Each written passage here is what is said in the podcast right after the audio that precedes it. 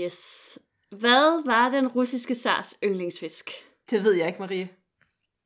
Sardiner? Det kan godt være, det er fordi, det er tidligere om morgenen, men øh, det var ikke helt dårligt. Nej, det var ikke helt dårligt. Okay, okay, jeg kan så også. Marie, mm-hmm. hvad er det, der er sort og banker på døren? Det ved jeg ikke. Fremtiden. Ah. De sovjetiske klassisk. jokes, de er simpelthen, altså... At linje 3 ikke har kopieret dem endnu, det er mig en Det gåde. er smukt. Ja, det er rent. Det er, ej, det er humor på et højt plan. Og, og med de ord, velkommen til Katrine og Maries historiepodcast. Og ikke mindst, velkommen til Røde Oktober. Ej, jeg har gået og glædet mig et helt år. Jeg ved det, og jeg er også kommet til at savne Rusland helt i mellemtiden. Til de nye lyttere af historiepodcasten, og der er måske et par af jer siden sidst, så vil vi lige forklare, hvad Røde Oktober er. Det er egentlig meget enkelt. Vi dedikerer en hel måned, altså oktober, sjovt nok, til at snakke om Ruslands spændende historie. Sidste år, der havde vi sådan mest fokus på den russiske, jeg prøver lige en gang til, på den russiske revolution. Det gav jo mening, 1917, 2017. Det var 100 år, Øh, så det var bare, det var det lå 100 lige til år. højre benet. Ja, det lå lige til højre benet. Men i år, der bliver det lidt anderledes. Vi breder os nemlig ud over hele den dejlige russiske historie. Dog tror jeg stadig, der kommer til at være lidt et øh, fokus på tiden omkring og efter revolutionen.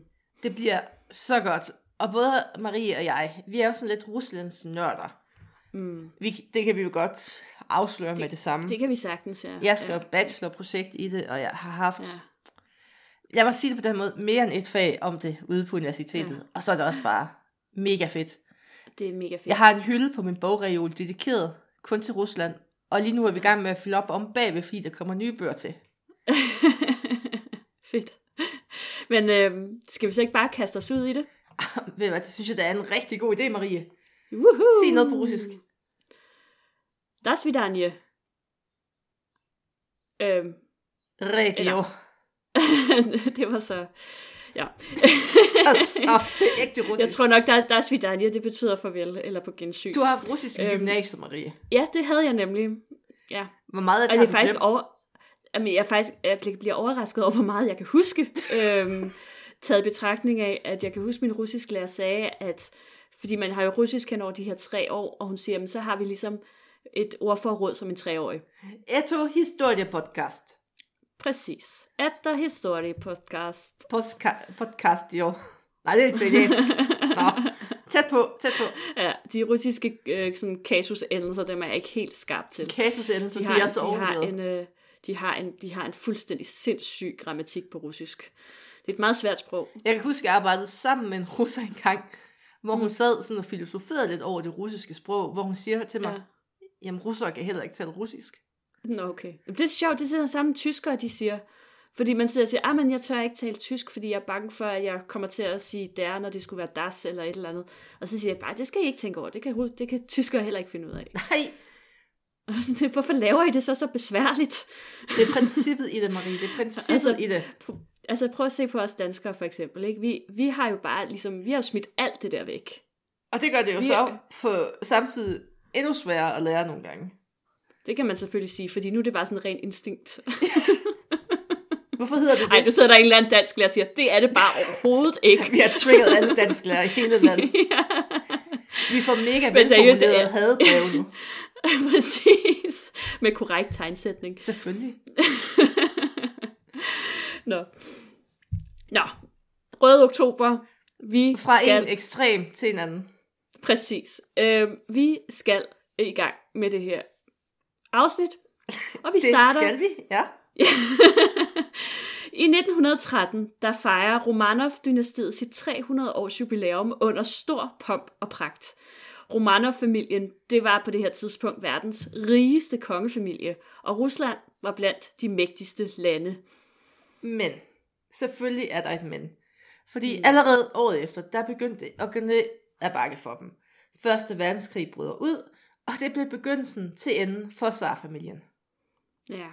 Og der er jo nok nogen, der tidligere har hørt om, hvordan at den russiske zar Nikolas den anden, hans kone Alexandra og deres fem børn bliver skudt, dræbt i en øh, kælder og smidt i en umærket grav langt ude i en russisk skov. Men hvad med resten af kongefamilien? For det var jo ikke kun dem, der var med til den her fest.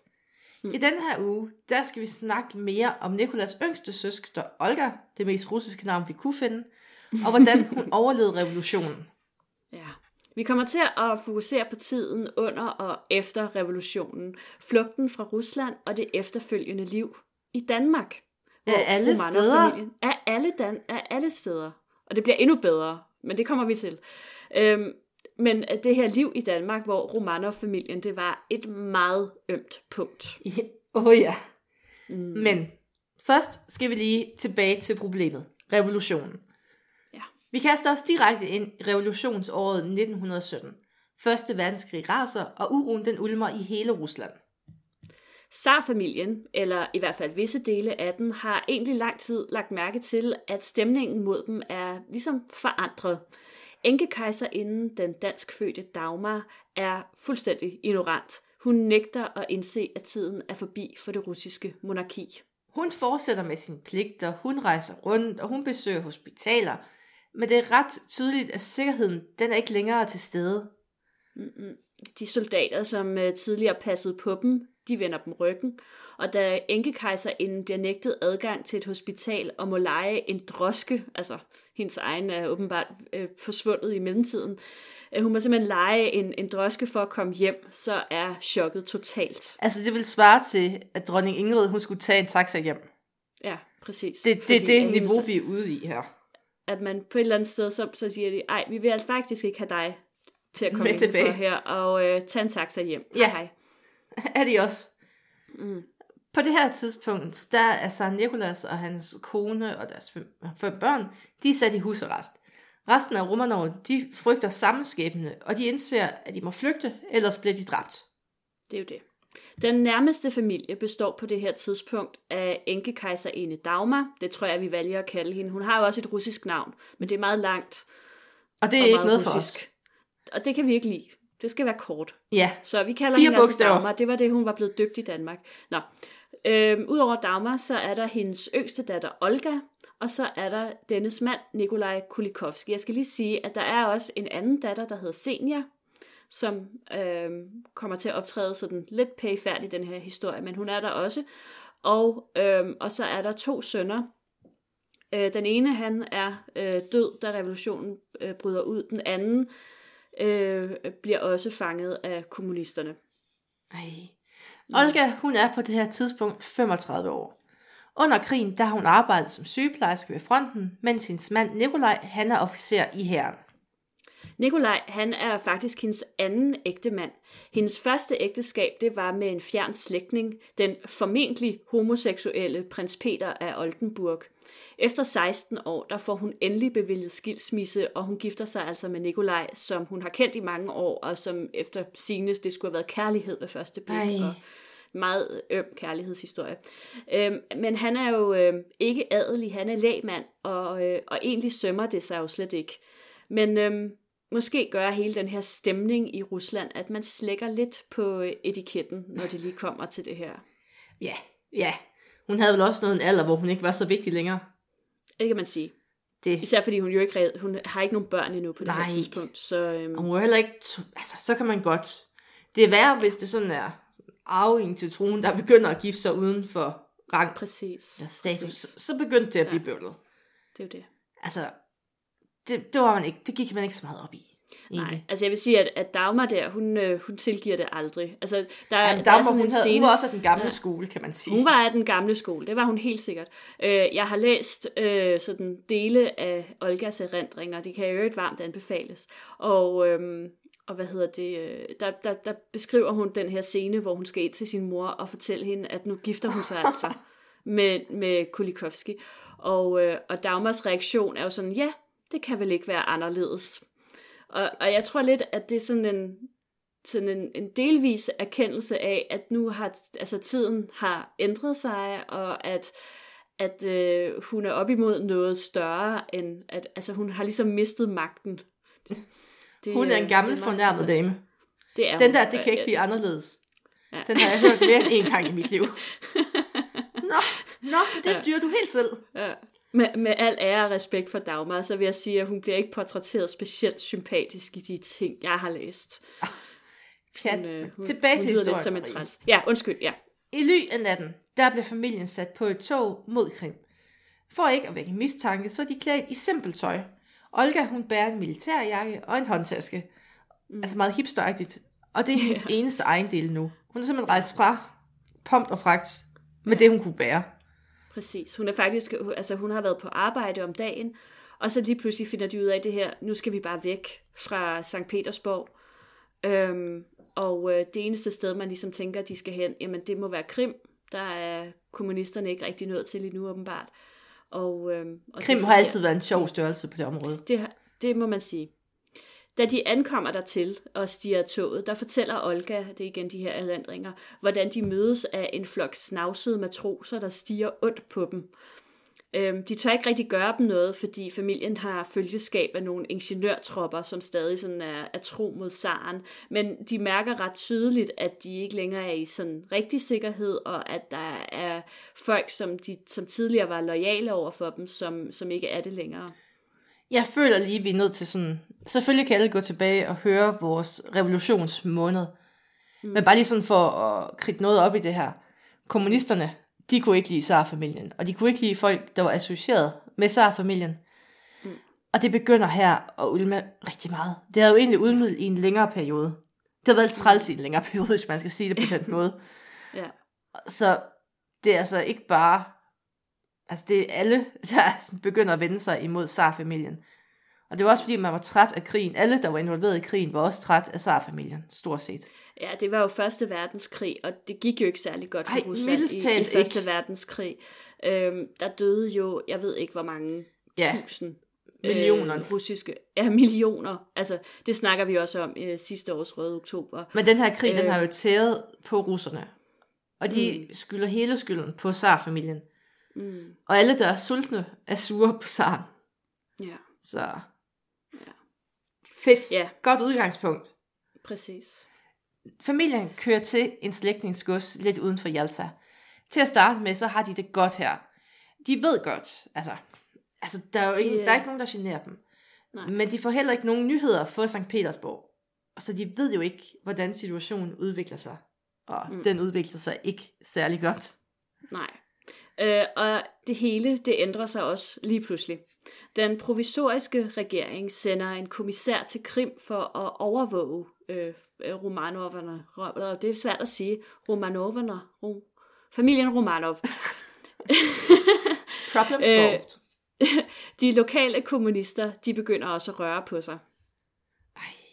Bolsjevikerne, de overtager Sortehavsflåden. Og så tager de magten i store, altså de store byer i omkring Krim.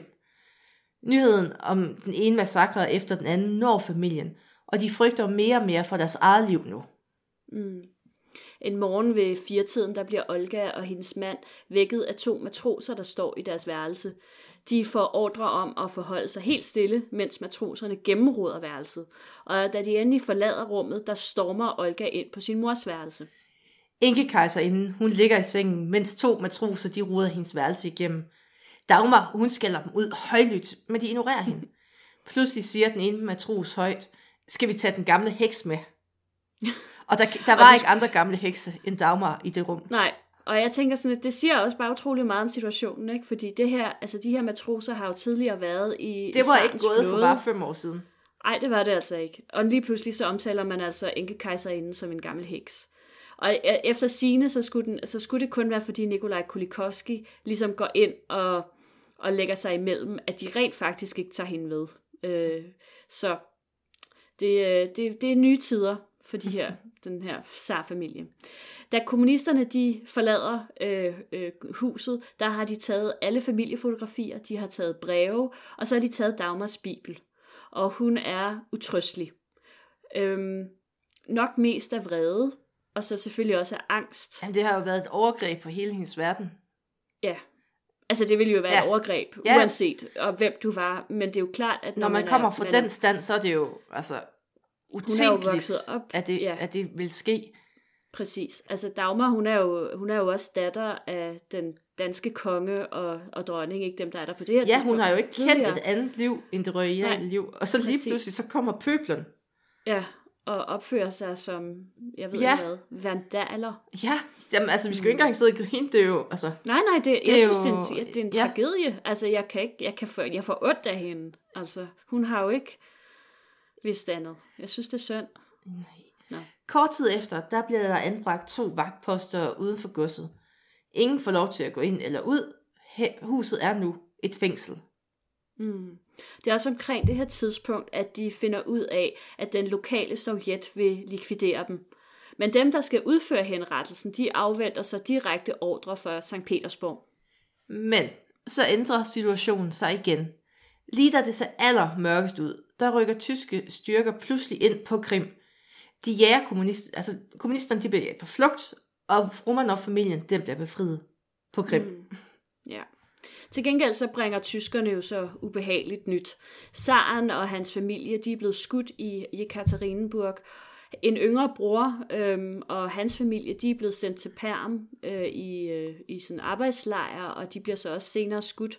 Og der er også beretninger om familiemedlemmer, der er blevet skudt, arresteret og sat i husarrest. Så det er rigtig, rigtig trælse nyheder, øh, der, der når familien på Krim. Den her fred, der er blevet etableret på Krim, den var ikke ved. I november 1918, der trækker tyskerne sig ud, fordi de har tabt Første Verdenskrig. Så kan man ikke ligesom blive på Krim. Den røde her, den er på vej tilbage. Og lige nu, lige nu, så er der en åbning for Romanov-familien, hvor de kan slippe fri. Og det altså fordi i Sevastopol i havnen, der ligger de allierede skibe, så det kunne være, at man lige skulle hoppe er- på der. Der ligger nogle engelske skibe blandt andet, og det, der er ligesom, ligesom et, øh, et, Et vindue. Ja, der er et vindue, hvor at, at de har faktisk mulighed for at slippe fri. Men øh, enkekejserinden, hun, hun nægter at, at flygte. Det er hendes pligt at blive i Rusland, mener hun. Uanset hvad det er, der foregår. Og øh, i øvrigt så nægter hun jo at tro på rygterne om øh, sin søns død. Olga og Nikolaj har en lille søn, og Olga, hun er gravid igen. Så hun, altså, hun er ret bevidst om, at faren, at, altså, der er en far ved at blive på Krim. Mm, Og nu har hun også nogle børn, hun skal tage sig af, så... det er jo det. Og nu, når der ikke er så mange andre familiemedlemmer, så er man jo ligesom også rykket op i det der tronarvingshierarki. Det er jo det, præcis. og Ja. faktisk, altså, hendes sønner er jo, er jo Ja. nærmest sådan direkte, fordi hendes brødre også er- døde. Ja, de er jo også så, døde, så Så hvem er næsten en i køen? Ja. Men hun er jo også splittet, fordi hun vil jo gerne blive hos sin mor, men hun vil også gerne passe på sine børn. Ja. Til sidst så øh, beslutter hun at flygte med Nikolaj til Kaukasus. Dagmar, hun bliver rasende, ikke mindst på Nikolaj, fordi hun mener, at det er Olgas pligt at blive hos hende, og hun mener, at det så er ham her, øh, den her ikke adelige øh, soldat, der har øh, fået øh, Olga på de her øh, andre tanker. Mm. Få dage efter, at de rejste, tager begivenhederne igen en dramatisk drejning. Den røde her besætter øh, periskoptanken, der ligger et stenkast fra Krim. Olga ved det ikke, men øh, øh, enkekejserinden hun indvilger om sider i at forlade Rusland på et engelsk krigsskib, der er sendt af hendes svoger, den engelske konge. Med sig ombord har hun sin anden datter Senja, hendes børn, nogle fædre og alle de Romanov, der boede på Krim. Imens er et lille rejseselskab bestående af den gravide Olga, øh, Nikolaj, Olgas trofaste kammerpige Mimka og en livvagt på vej til Kaukasus. De bliver indlogeret i en lille landsby, hvor de indtil videre er i sikkerhed, fordi området det er kontrolleret af den sartro hvide her. Vi er nu glædet over i borgerkrig i Rusland også, så Mm, det gør også alting lidt mere bøvlet. det, det gør det ikke nemmere, nej. Hej. Nej. Øh, men en kold novembernat, der dukker der pludselig fire kosakker op og fortæller, at den røde her er altså ganske tæt på, og der er ingen tid at spille. Familien bliver nødt til at flygte igen. Og vi skal lige huske, det er november, og november, mm. det er vinter i Rusland, og det er ganske, ganske koldt og ikke for sjov. Nej. Med på rejsen, der har de også et spædbarn lige for at øge besværligheden lidt mere. Ja. De må tilbringe altså natter i gamle stalle, de må kravle over tilsnede marker, og hele tiden så skulle de være i skjul, fordi de kunne ikke stole på nogen længere. Nej. Det er helt vildt at tænke på, at altså, hvordan man hun har haft sin barndom på, på store paladser, og, og pludselig er man altså fuldstændig faldet Man er jo jaget vildt den, nu. Fuldstændig jaget vildt. Altså, der er ikke sikkert at være nogen steder. Og, men næsten mod alle odds, der ly- lykkes det dem altså at nå byen øh, Novorossiysk, hvor de søger tilflugt i det danske konsulat.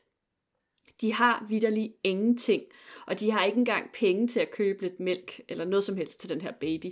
Øh, børnene er begge to ekstremt underernæret, og byen den er fyldt med sultne, udtagede flygtninge, der flygter fra kommunisterne, og derudover så er der også en ret slem tyfusepidemi, som haver. Jamen. Alles gut. Ja, skønt. Fra Nordsjænik, der bliver de sendt sammen med en masse andre flygtninge til en flygtningelejr i Tyrkiet. Her bor de nogle uger indtil den serbiske konge Alexander, han hører om det her. Ja, og han er så heldigvis en ven af familien, så han øh, evakuerer familien og deres ledsager og bringer dem med sig til Beograd. Han tilbyder dem faktisk at bosætte sig permanent i øh, Serbien, men øh, nu er der altså kommet bud fra Dagmar, som er nået til København og forlanger, at øh, Olga hun øh, sætter kurs øh, mod Danmark. Og øh, efter 14 dages hvile, så rejser hele selskabet videre til København. Er jeg den eneste, når vi snakker om Dagmar, der kun kan tænke på Fernando Møge? Nej, jeg, jeg, jeg ser faktisk øh, også lidt det for mig. Jeg ser en, Og, men, en og, det bliver, og det bliver bare endnu... Ja, og det bliver endnu mere, efter de er kommet til Danmark, fordi at øh, så er øh, Dagmar, øh, fru Fernando Møge og Olga, hun bliver misset Ej, det, så meget. Det kan jo faktisk godt være, altså hvem ved, måske har, øh, måske har inspirationen til det par faktisk ligget der. Det kan man jo ikke udelukke. Olga, Nikolaj, sønnerne og deres ledsager, de ankommer til Danmark lang fredag 1920. De kunne næsten ikke have valgt et dårligere tidspunkt at ankomme på dog. Nej, fordi de ankommer midt under en af de mest højspændte kriser i Danmark, nemlig påskekrisen, hvor kongen, som hedder Christian 10. nu, har afskediget regeringen efter et skænderi med den daværende statsminister Sale om grænsedragning i Sønderjylland. Som man nu gør. Der er jo ikke Som noget under... Altså, Olga, hun opfatter nu sin fætter som sådan lidt anspændt og lidt uhøflig, da de ankommer til Amalienborg. Ja. Et er, at han lige har fyret regeringen, og folket demonstrerer mod ham, og vil have ham afsat. Nu skal han også altså, have styr på resterne af Romanov-dynastiet. Altså, han havde. Ja. han havde rimelig, at se, rimelig meget at se til, kan man sige. Det var ikke fordi, altså lige pt, der var han ligesom ikke sådan... øh, Der var ikke den store positive stemme, stemning i Danmark. Han havde ikke så meget for overskud ham. til at tage sig af det, vil jeg sige. Plus at han nu også... Øh, Der var krise på arbejde, for- og nu kom altså, familien fra udlandet også. Ja, og, og bringer en potentiel krise med sig der, fordi Danmark vil jo helst ikke involveres i den lille... Nej, det er stor politik, der. det gad vi ikke længere. Nej. Det er jo selvfølgelig oplagt, at, da, da, at Dagmar er rejst til Danmark, fordi det er hendes fædreland, og kongen der, han er jo faktisk hendes nevø. Øhm, og de kan jo heller ikke rigtig, altså den danske regering og kongen kan jo heller ikke afvise hende. Øhm, men det er bestemt ikke uproblematisk for Danmark. På det her tidspunkt ved Europa og herunder Danmark ikke rigtig, altså hvad man skal mene i forhold til det her nye Sovjet-Rusland. Det var en ny og underlig størrelse. Fordi vi skal jo huske, at altså, konger, de havde jo stadig en betydning. Mm. Og det var svært for dem at forholde sig til et land, der havde afsat en kongefamilie. Ja. Fordi tænk nu, hvis ens eget land fandt på sådan noget. Jamen, og ikke bare afsat dem, Ja, afs- altså, ja. myrdede dem. Ja, det var en pæn måde at sige det på. det er den franske revolution om igen, og, ja, Ja, og dengang var man jo også enormt bange for, at, at det ville gentage sig andre steder. Og man har lige været ikke, altså der var den der træls første verdenskrig, som jo også altså, var et mm. åbent sår i mange år efter. Ja. Og man ville jo for alt i verden i Danmark gerne forblive neutrale. Det havde virket okay under første verdenskrig. Mm. Og man, man var jo også blevet sådan lidt skræmt for stor politik fra fejlslagende vurderinger før i tiden, så man vil egentlig bare gerne være i fred. Passe sig selv. Og så kommer den russiske familie og banker på døren. Ja. Og man havde jo også en forpligtelse over for dem. det havde man. Ja, så det var delme svært at sige, at man ikke havde en holdning. når man nu husede Sarens mor og søster lige pludselig. Præcis. Hvad skal man sige til dem over i Rusland? Ja. Hvad skal man sige til? Men det, det ved vi Det- ikke. det- Øh, øh. Er det Sarens mor? Nå, for delen. Jeg troede, bare, det var min faster. Jeg troede, det var Misse Mø. Ja, altså, okay. Ej, Nå, men øh, vi holder dem bare lige nu. Præcis. Derudover så er det altså også et kæmpe problem, at Romanov-familien de er kommet til Danmark uden nogen penge overhovedet. Altså, på mirakuløs vis, så er det lykkedes Dagmar at smule et smykkeskrig med sig ud af Rusland. Men det er ikke bare værdigenstanden for hende. Det er hendes sidste bindeled til tiden i Rusland. Så altså, det er hendes, hendes eneste sidste ejendele, kan man sige. Ja, altså afstykkerne for Rusland. ja. Af gode grunde, så kan den danske regering ikke sigte enkekejserinden og familien åbenlyst på finansloven. Det vil sende nogle forkerte signaler til naboerne over i Rusland. Det ved det lidt. Christian 10. er ifølge Olga heller ikke meget for at hjælpe dem, og det er jo igen den her problematik. Han opfordrer faktisk Dagmar til at sælge sine smykker, øh, hvilket måske er sådan lidt ufølsomt på en eller anden måde, men øh, det nægter hun, og, og hun gør det heller ikke. Øh, han klager i øvrigt også over, at enkekejserinden bruger for meget elektricitet på Amalienborg, og øh, han tjekker hendes gemakker med mistanke om, at hun kunne finde på at pansætte ting, som ikke tilhører hende. Jeg tænker det- lidt, Marie, Ja, hvor meget, altså, man havde vel ikke enten lys på det her tidspunkt, stort set på Amalienborg. Altså, hvad kan man bruge elektricitet til? Jeg, jeg ved det ikke. Altså, Altså en radio tror måske? Bare, altså histori- historien er, at hun har, hun har en eller anden, hun har nogle værelser, eller også har hun et palæ, jeg ved det faktisk ikke helt. Øhm, og at der kommer der så en, en kammertjener over og siger, at kongen siger, at hun skal slukke for lyset, fordi hun bruger for meget. Og hendes øh, respons på det, det er så, at hun befaler, at alt lyset i hele fløjen bliver tændt. Ej, hun er adfærdsvanskelig. Hun er lidt adfærdsvanskelig. Og så tænker jeg også det der med, at hun kan finde på, eller han mistænker hende for at kunne pansætte ting. Altså, Amalienborg er jo også hendes barndomshjem. Og øh, hans... Øh, altså, der kunne sagtens stå ting, som hun i virkeligheden føler sig sådan lidt berettiget til, fordi de har tilhørt hendes forældre, for eksempel. Så der kunne måske godt være et eller andet, hvor hun tænker, åh, oh, min fars gamle guldord. Er stadig med det. Eller andet. Afsted med det. Men, Det øh, er en lettelse for alle, da Dagmar flytter til villaen Hvidøre i Klampenborg. Det var, det var måske fint nok for alle. Det tror ja. ja. jeg var godt. der var lidt anspændt på Ja, Amalienborg. dår- dårlig stemning. ja. Olga, Nikolaj og sønnerne, de flytter med og sammen til tjenestefolk, som flygtede sammen med kejserinden og resten af familien. Mm. Der var faktisk en ret stor stab, som, altså, man, man, når man lige sådan umiddelbart hører historien, så tror man sådan, at det kun er de to. Altså, det er sådan kun den der lille familie, men de havde faktisk en ret stor stab med sig, øh, som, som øh, flygtede sammen med dem. dem. De bliver bare ligesom ikke rigtig nævnt. Nej, det er også bare pøbel. Øhm, det er bare pøbel. Øhm, de klarer sig økonomisk med et tilskud fra det engelske kongehus, hvor Dagmars søster, hun er dronning. Øh, og man ved også, at de får nogle penge af Christian den 10., men man ved ikke, hvor meget det drejer sig om. Øhm, den primære indtægt stammer nok fra donationer og indsamlinger, der bliver lavet til øh, dronning Dagmar. De er sikkerhed, men Dagmar, hun har meget svært ved at vende sig til livet under de her beskidende forhold. Hun er jo hun, igen gået fra russisk kongehus til Klampenborg. Ja. Med alt respekt for Klampenborg, så er det altså et spring Det er et spring. ned. Ja. det, det, det, det er et par trin ned ad stigen. Det er det lidt. Og det her det gør så, at hun trækker sig mere og mere ind i sig selv og i en anden verden.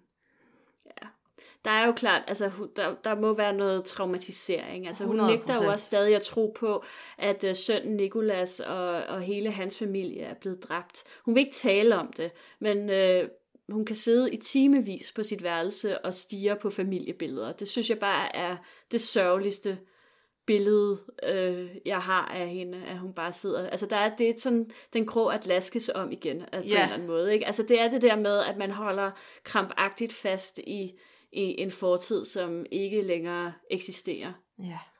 Olga og familien, de bor hos Dagmar på Hvidøre. Men Dagmar, hun nægter at anerkende Nik- Nikolaj Kolinikov som en del af familien. Han, det, det bliver aldrig rigtig godt mellem de to. Altså, Olgas mand. Ja. Mm. hun inviterer ham aldrig ind, og ved officielle arrangementer, så forlanger hun, at Olga hun optræder alene. Ja. Og det er selvfølgelig ikke særlig sjovt. Men, øhm, og man kan spørge sig selv om, hvorfor siger Olga ikke fra? Øh, det er nok lidt svært, når ens mor trods alt har været enke kejserinde. Og øh, Olga og Nikolaj, de er kloge og fornuftige mennesker, og de ved, at det er en nødvendig, øh, øh, hvad hedder det sådan, øh, Foranstaltning. Ja, en nødvendig foranstaltning, som det er lige nu. Olga fungerer som selskabsdame, sygeplejerske og sekretær for sin mor, og øh, Dagmar forlanger, at hun er hos hende 24-7. Det er sådan meget øh, hands-on forhold, de har fået til hinanden, må man sige. Jamen ved du hvad, så render hun heller ikke efter flere mandfolk. Nej, men det er også noget med, Så kan hun pakke sig. hun, bor inde, hun bor inde på det her, øh, på sit værelse, Dagmar, og hun bliver også ekstremt paranoid og vogter over det her smykkeskrin og så videre. Det, det, altså, hun er ikke sådan helt rask i hovedet til sidst. Nej, hun altså det lyder ikke. det ikke til. I 1928, der dør Inge kejserinde Dagmar. Hun bliver begravet fra den russiske kirke i København og stedt til hvile i Roskilde Domkirke. Mm. Og efter hendes død, der følger der sådan lidt tumult. I dagene omkring begravelsen, der kommer den engelske udenrigsminister til Danmark, officielt for at deltage i begravelsen, men uofficielt for at få smuglet Dagmars smykkeskrin til England. Det skal lige, nej, det kommer måske til at sige her, eller du kommer til at sige det med, hvem, der, hvem det er, der vil have fat i det Nu skal du ikke spoil det. Nej, jeg skal ikke spoil det. Olgas søster Senja, nu er hun tilbage på scenen, hun Ja. hjælper ham med foretagendet, og det lykkes at få smykkerne bragt ud af Danmark. I England, der køber den engelske dronning nogle af smykkerne. De er stadig i Elisabeth II's varetægt, by the way. Ja. Værdien af indholdet i skrinet bliver samlet set vurderet til 10 millioner britiske pund. Så det er, en, det er en lille chat, må man sige. Men altså, det er søsteren Senior, som bor i England, og øh, som simpelthen uden om Olga øh, får arrangeret det her. Og Olga bliver slet ikke inddraget, og hun får heller ikke noget ud af det her salg af smykkerne. Øhm, så det er jo en, en dejlig lille familie øh, drama, vi har her. Øhm, og det gør hende selvfølgelig måske en anelse bitter, fordi hun kunne jo sådan set godt have trængt til at, at få del i nogle af de her penge. Men øh, hun får altså, i stedet for pengene fra salget af Hvidøre, øh, det er dog kun omkring 200.000 kroner. Jeg vil så sige, at det er jo selvfølgelig noget mere i dag. Altså det er trods alt en palæagtig villa i Klampenborg. Så selvfølgelig er det øh, ikke 200.000 kroner i sådan nutidens penge. Nej, vi skal lige tænke, at det er sådan tilbage i, i 1928, ikke? Øhm, og det her beløb, det er altså nok til at købe en gård for, og øh, det gør de. Øh, familien, de flytter til Knudsminde, der ligger i Ballerup. Og vi snakkede om stigen før. Det er nok også det, jeg vil betragte som et skridt ned ad stigen. Med, med al ære og respekt for Ballerup. Ballerup er et Men dejligt øh, sted. storfyrstinde, fra storfyrstinde til gårdejer i Ballerup. Det, ja. det, det er en karriereændring, kan man sige. Mm, det er det. I Danmark var Dagmar blevet det uofficielle overhoved for den russiske emigrantkoloni, der i 1921 tæller ca. 3.500 personer i Danmark, heraf 2.000 i København. Omkring 1.200 af dem er flygtet fra revolutionen. Det er en rolle, som øh, Olga overtager efter morens død, og det går egentlig også ret fint, indtil 2. verdenskrig bryder ud. Som udgangspunkt, så er Olga dansk sindet. Hendes to sønner er officerer i den danske hær, og de har også siddet fængslet af tyskerne. Den ene af dem endda to gange under mistanke for spionage. Men Hitlers overfald på Rusland ændrer situationen. Hitler han gav jo løftet om, at han ville befri Rusland for kommunisterne. Dem kunne nazisterne virkelig, virkelig ikke lide. Nej. Så det var jo egentlig en håndsrækning til Olga, kan man sige. Og ja. tusind af russiske immigranter, de melder sig jo faktisk under de tyske faner for at befri Rusland fra kommunisterne. Ja. Vi skal jo også huske på, at kommunisterne, det var ikke alle russere, der elskede dem langt fra. Det jo derfor, der kom en borgerkrig efter revolutionen. Så det er jo ikke bare sådan en ensidig kommunisme, der bare siger 1, 2, 3, yay! Præcis, og, og altså de her øh, øh, russiske immigranter, det er vel sådan stort set, altså der er vel også rigtig mange Det var i dem. Tyskland. Ja, ja, det var jo præcis dem, der ikke kunne holde i- det ud. Præcis, og der er jo rigtig mange også i Danmark og i England og mange andre steder. Øhm, og øhm, der, som sagt, der er en, en del af de immigranter, russiske immigranter, der bor i Danmark, der vælger at kæmpe på tysk side. Øh, og Olga, hun kan ikke sige nej til dem. Altså, Nej, hun, hvis, altså, Fordi hvis jeg boede som går i altså- Ballerup, og der lige pludselig var nogen, der kæmpede for, at jeg eventuelt kunne komme til at herske over Rusland, så skulle du se mig hjælpe. Ja, altså, og hun hjælper dem med husly, mad og penge, øh, især når de flygter fra den danske modstandsbevægelse, fordi den danske modstandsbevægelse er ikke specielt begejstret for de her Der hjælper tyskerne. Nej, de synes ligesom ikke, det helt i orden. det spiller ikke så godt. Nej, Olga, hun er bare mega dårlig til at vælge hold her i livet. men det er der også, altså det er jo et Ja. dilemma, hun sidder i. Altså, jeg kan godt skal man forstå gøre? Ja. Hvad skal man gøre? Altså, vi kan jo sagtens sidde her og være kloge og sige, Ja, men, Men det gik jo side, godt altså- for tyskerne indtil, at det blev vinter. ja. Og man kan sige, altså, hun er jo ikke... Hun, Hun er ikke nazist. nej, hun er jo ikke nazist, og hun holder jo heller ikke som sådan med Hitler og nazismen, øhm, men, men hun holder med Tyskland i kampen mod Rusland. Ja, hun kæmper jo for det Rusland, hun troede på. Ja. Ikke kommunisme, men Rusland før kommunisme. Ja, ja. Og det var der jo, Præcis. altså, den, de der, altså den russiske intelligens, altså intelligensien, der var flygtet, Mm, de var jo også splittet, ja, fordi at, altså, man kunne ikke lide Hitler, men man kunne endnu mindre lide kommunisterne. mm, Så det er det. det mindste er to under. Præcis. Olga, hun hjælper også russiske flygtninge og immigranter, der kæmper i den tyske her. Mm. Danskerne, de har ikke den store forståelse for det her projekt. Og forholdene for russiske immigranter i Danmark, de bliver ret dårlige under krigen. Og de bliver faktisk endnu værre efter krigen, hvor man jo ligesom har fået lettet ået og kan opføre sig, som man vil. Øh, I mange tilfælde rigtig dårligt. Øhm, og Olga, øh, hun prøver ligesom at få hjælp fra sine slægtninge i kongehuset, men øh, de vil ikke hjælpe. Øh, de tænker nok lidt, det der, det har du selv rodet dig ud i. Øh, Nøp, og, nøp, øhm, nøp, nøp. vi har ligesom øhm, også et image, vi skal pleje her. Øhm, og det er altså det er for sprængfarligt for kongefamilien at, at række en hånd ud til Olga i den her situation. Og efter krigen, der blev den danske regering jo også udsat for et voldsomt pres fra Sovjet. Sovjet, de ville jo gerne, altså de ville have udleveret russiske flygtninge og krigsfanger, men den danske regering, de har ikke rigtig lyst til det. Nej. Jorden den begynder at brænde under Olga i 1947 og 48, hvor Sovjet faktisk direkte beder om at få hende og familien udleveret. De skriver, at hun er en del af et antisovjetisk netværk og har skjult og hjulpet krigsforbrydere under krigen. Og i den her forstand, der skal krigsforbrydere, det skal forstås som russere, der har kæmpet på tyskernes side. Og igen, der sidder den danske regering i saksen. Hmm. Rusland, de har jo været med til at vinde krigen. Og sandheden var jo, at Stalin altså, til en vis grad følte sig berettet til en Danmark, måske bare en del af Danmark, for eksempel. Mm. Lad os bare, lad os bare smide vildt ud på Bornholm. Fordi at han, altså Rusland, de mente jo ikke, at Danmark havde gjort tilstrækkelig modstand mod den tyske besættelse. Og altså, så må de jo egentlig have været allieret med tyskerne et eller andet sted. Ja. Der var jo heller ikke noget, altså samarbejdspolitikken, den kom jo tilbage og ramte lidt som en boomerang på det tidspunkt. Det kan man sige. Øhm, den danske regering bliver jo nødt til at tage de her anklager mod Olga alvorligt, og sagen bliver drøftet i det udenrigspolitiske nævn, og myndighederne foretager også en politiundersøgelse.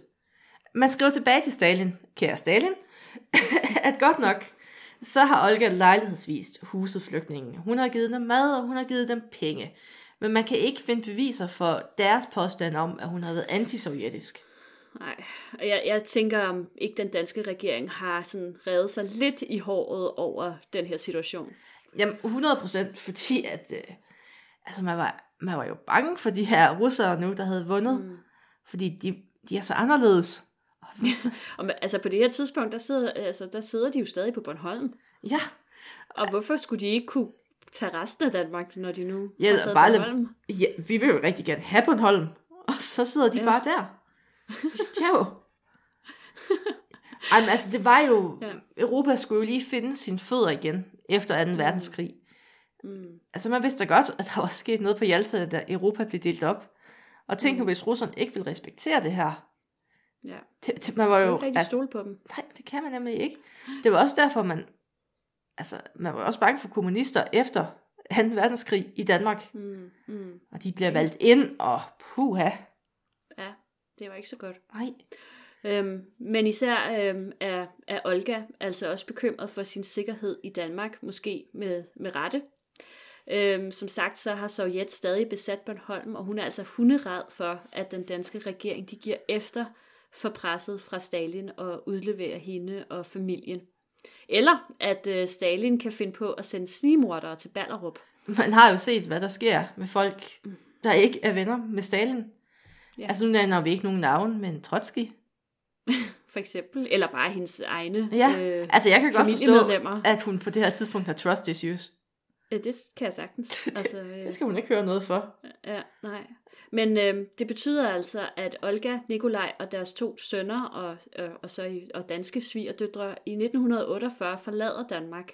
Det sker meget diskret og i al em- hemmelighed, øh, og, og faktisk ikke engang øh, formentlig, men ret sikkert med hjælp fra den danske regering. De sikrer nogle udrejsepapirer og, og noget hejs i den forbindelse. Øhm, og jeg tænker, at altså, måske har truslen fra Sovjet været større, end man også lige sådan umiddelbart for at vide i den her sag. Det ved jeg ikke. Jamen 100 procent. Ja. Det var jo ikke atypisk, at den russiske, altså deres svar på CIA, de kunne jo godt få folk til at forsvinde. Det var jo ikke, altså det var ikke en ny ting. Mm. Der, altså klassefjender globalt skulle jo udryddes. Ja. Og igen, hun havde jo en form for claim til den russiske trone, hvis den blev genetableret. Ja. Og tænk nu hvis, altså det er en god måde ligesom at få ro på hjemmefronten ved at sørge for, at der ikke er noget, ens modstandere de kan samles om. Mm. Man kan jo forestille sig, at alle konservative i Rusland, de fandt sammen i en lille klump og sagde, nu skal vi have Olga på tronen. Ja. Det gider man simpelthen ikke at have. Så man fjerner de her figurer, der kunne være en fjende. Mm. Ja. Og, det, og Stalin, han var jo en mester til at få folk til at forsvinde. ja, det må man sige. Det, Det, må man altså, sige. meget kan man sige om Stalin, men han var effektiv på det område. det, Ja. Og Hvilke jeg tænker klassefjender? bare, altså, ja, og den, den danske regering har tydeligvis taget det meget alvorligt, siden at de har ville hjælpe hende med at komme ud af Danmark. ja, fordi så, altså, så slap man jo også selv lidt væk fra at skulle gøre noget ved det. Det kan man selvfølgelig Væk sige. Så var de også til et ligesom andet land. med det, af med det problem. Så det langt væk et som problem nu. overhovedet muligt med hende. Præcis. Og Fordi- apropos så langt væk som overhovedet muligt. ja. Øh, familien, de øh, rejser via England til Canada, og her køber de en gård. I nogle år så lever de et ganske enkelt liv som landbrugere uden for Toronto, men i 1952 der må de indse, at øh, de er blevet for gamle til selv at stå med gården på det her tidspunkt, så er øh, de to sønner flyttet hjemmefra, og jeg tror Ja. også, der er noget med, at der er nogen, der er blevet skilt, og nogle børnebørn, og der er nogen, der... Altså, det, der, det bliver lidt noget rod med de der familieforhold. Der findes rigtig mange, øh, hvis man googler, øh, så kan man finde rigtig mange, der hedder Kulikowski i, i øh, Canada og i Danmark, øh, og så videre. Det er altså øh, fraskilte og tilgiftet, og jeg ved ikke hvad. Der er en del sådan udskiftning i gelederne på det tidspunkt. I 1958, der dør Nikolaj. Og herefter, mm. der begynder det også at gå ned ad bakke for Olga, som dør i 1960. Ja, det er jo sådan set en, en lidt sørgelig historie Ja. med, at hun, hun jo flytter ind hos nogle venner og bor i den her lille udslidte lejlighed over en skønhedssalon i udkanten af Toronto. Og ja, en Det er også et æra, skridt ned er- for Ballerup, vil jeg sige. Det er et skridt ned fra Ballerup. Nu, du har jo været i Canada, Ja, men var det Toronto? nej, det var Montreal. Det var Montreal, du var i, ja, det er rigtigt. Nå, men øh, en æra, den er jo endegyldigt forbi, og øhm, altså, det har jeg, jeg, jeg har sagt til dig flere gange, mens jeg har lavet det her afsnit, at øh, jeg, blev, jeg blev virkelig grebet af den her historie. Øhm, altså, man kan jo mene, hvad man vil om zarstyret og, og den russiske revolution, og der blev uden tvivl begået fejl og grusomheder på begge sider. Øhm, men jeg synes grundlæggende, at det her det er, det er en menneskelig tragedie, den her historie om den russiske zarfamilie. Ja, men det er jo en historie, man har, hvad skal man sige, man har hørt den før. Revolutionen, den, altså det var ikke kun Romanov-familien, den, altså, ødelagde. Nej. Der var jo rigtig mange mennesker, der oplevede det samme, hvor de var nødt til at flygte. Mm. Og var nødt til at flygte flere gange, faktisk. Ja. Fordi lige pludselig, så ville de have fat i en. Mm. Så Det, det, var vel hele overklassen. Ja, altså intelligentiaen og folk, der havde jord, og Mm. det var jo, altså, nu, det var, det var, ikke, det var ikke en good time, vil jeg sige. Nej. Og det er jo også, altså, det er jo næsten, altså det er jo forfærdeligt at tænke på det fald, de har fået, altså, Dagmar, det var da godt, hun døde så relativt hurtigt. ja. Altså, puha. Ja, og jeg vil sige, at altså, en, et element, som vi jo selvfølgelig ikke har, eller som jeg ikke har, har nævnt her, men det er jo, at igennem hele den her periode, hvor de både i Danmark, men også efterfølgende i Kanada, der bliver de jo bombarderet med henvendelser fra folk, som påstår, at de er afdøde familiemedlemmer. Ja, Anastasia er tilbage. Anastasia og... er tilbage, altså... Øhm, jeg synes jo, at vi skal overveje at lave et afsnit om, de, om den historie i sig selv med, med Anna Andersen øh, i Berlin, som, som jo meget Vi har hårdnakket, set filmen, Maria. Jamen, det er rigtigt. Øh, Har vi og som brug for meget mere? hårdnakket, øh, øh, øh, påstår hun er Anastasia. Øh, men, men det er jo også et konstant, øh, hvad skal man sige, påmindelse om, hvad der er sket. Altså, de får jo aldrig lov til at komme videre i deres liv. Nej, nej, jamen, det Og, hænger øhm, bare. Ja. Øh, men øh, ja, jeg ved ikke. Jeg, jeg synes, det er en jeg synes, det er en meget gribende historie, uanset om man så øh, synes, at det var okay, at man nedlagde monarkiet i, i Rusland eller, eller ej. Man kan i hvert fald Og, diskutere måden, det blev gjort på. Det kan man. Og med Og, øh, de ord, De ord. tak fordi I lyttede med til det første afsnit af Røde Oktober. Næste gang, så skal vi ud og sejle. Yay. Woo!